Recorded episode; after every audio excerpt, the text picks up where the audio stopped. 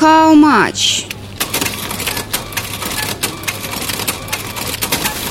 Колькі?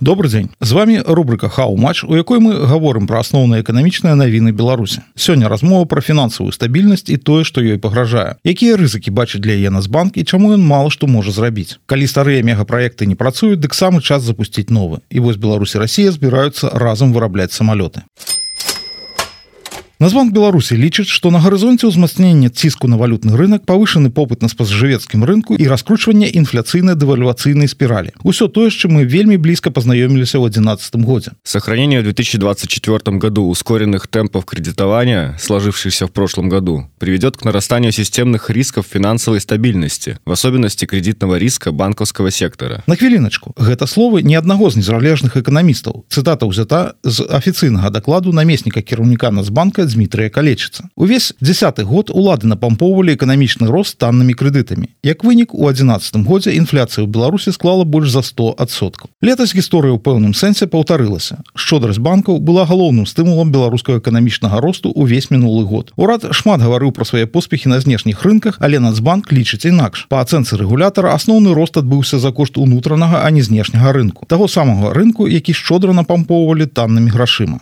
За мінулы год банкі выдалі эканоміцы крэдытаў на 144 мільярды рублёў на 30соткаў больш чым у 22 годзе з таким падсілкоўваннем чаму б і не расці Праўда аддача была значна ніжэйшая чым укладзеныя намаганні і патрачаныя ресурсы. Як напісаў у сваім дакладзе першы намеснік кіраўніка нацбанка Сергей калечыц фактическая динамика показателей денежного предложения существенно опередила прирост ключевых макроэкономических показателей в реальном выражении. При ўсіх танных грошах у прадпрыемствах рэальна сектору эканомікі знізіўся прыбытак упала рэнтабельнасць а колькасць стратных кампаній наадварот выросла. Прычым найгорш найгорш справы ідуць у дзяржаўных прадпрыемстваў гэта значыць якраз у тых якія атрымлівалі крэдытаў больш і танней. І чым больш крэдытаў яны атрымлівалі тым больш падтрымкі ім патрабавалася. У двадцатым 23 годах доля ільготных крэдытаў склала ад трох до чатырох з паловай адсоткаў валового унутранага прадукту. І новыя рынкі асвоіць не атрымалася усё што есть у беларускага экспорту Росія і крышку Китая. Да снежня доля расійскага рубля і юаня на валютных таргах выросла амаль до 60соткаў хаця яшчэ ў сярэдзіне года асноўнымі валютамі былі доллары доллар і еўра і гэта не значыла что Беларусь тады гандлявала з Еўропай Амерыкай просто разлікі ў долларах і еўра праводзяцца зусім астатнім светом не лічачы Росіі і Китая. Увогуле атрымліваецца что тая фінансавая палітыка якая была ў мінулым годзе добрая ў асноўным для справаздач каб урад мог пахваліцца як ён выконвае пастаўленыя перад сабой планы. А вось эканоміцы асабліва фінансавай стабільнасці карысці было значна менш фінансавай стабільнасці дык наогул суцэльная шкода. Нацбанк прызнае што канцу мінулого года стымуляванне эканамічнага росту ўжо пачало негатыўна ўплываць на інфляцыю і з гэтым трэба нешта рабіць. І нацбанк цудоўна ведае што менавіта. Беларускай эканоміцы просто трэба прапісаць фінансавую дыету. Вось толькі дазволіць сабе пасадзіць эканоміку над строгую дыету нацбанк не можа бо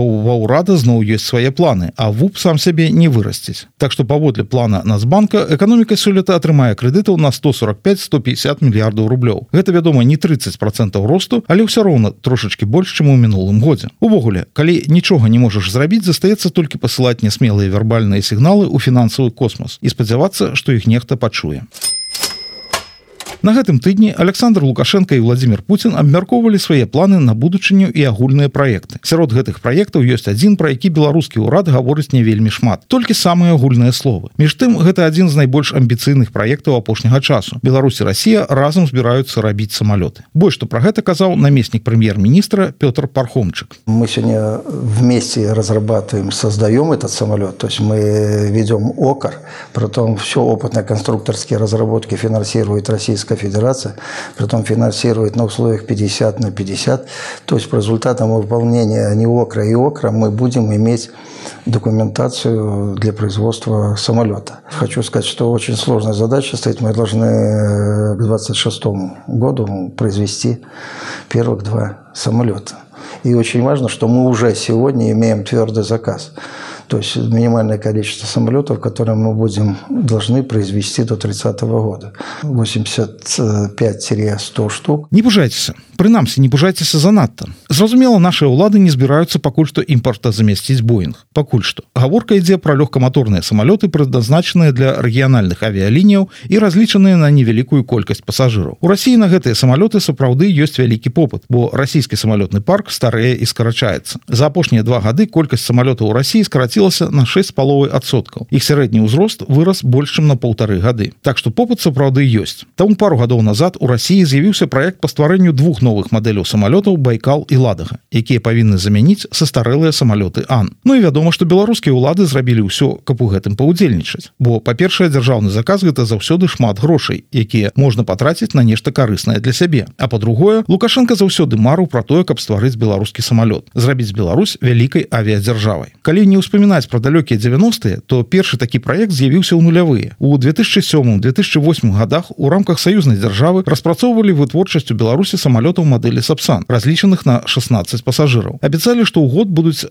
рабіць больш за паўсотні таких самалётаў першы павінен быў паляцець у 2010 годзе але не паляцеў хотя некаторую частку грошай аўтары ідэі паспелі асвоіць потым да гэтай ідэі ўжо з іншымі мадэлямі вярталіся ў 14 17 і 18 годах. Самалёта так і не з'явілася і вось зараз ізноў беларускі авіяцыонны ремонтны завод ужо подпісаў падгадненне з уральскім заводам грамадзянскай авіяцыі. Хутчэй за ўсё гаворка ідзе пра мадэль ладага якую зараз і збіраюцца рабіць на уральскім заводзе. І на першы погляд усё добра. Але як заўсёды ёсць некаторыя маленечкія праблемы. Вось што казаў пра мадэль ладага намеснік кіраўніка контрольнага управлення расійскага прэзідэнта валентин летуновскі. Вот первое что э, значит вот вызывает удивление некое такое да отсутствие вот этого жизненного цикла от фундаментальных исследований до опытного образца и потом до си спасылаючыся на расійскі мінпрамгандаль летуновскі патлумачыў як адбывалася распрацоўка гэтай мадэлі. Он говорит ну что такое латок? Мы взяли все лучшие варианты по анушке какие были сложили плохое откинули хорошее оставили. На самім уральскім заводзе кажуць што ў лепшым выпадку мадэль прызначаная для камерцыйнага выкарыстання з'явіцца толькі ў 26 годзе. А раней правесці весь комплекс неабходных выпрабаванняў немагчыма. То бок нельга сказаць што гэты самалёт не паляціць. Паляціць калі скажуць што яму яшчэ рабіць. Але ёсць пытанні да яго бяспекі і камерцыйнай акупальнасці праекта. А магчыма і па кошту бо кошт іншай мадэлі байкал якую таксама распрацоўваюць на расійскім заводзе вырас у полторы разы. І зараз ужо ёсць пытанні пра рэнтабельнасць гэтых самалётаў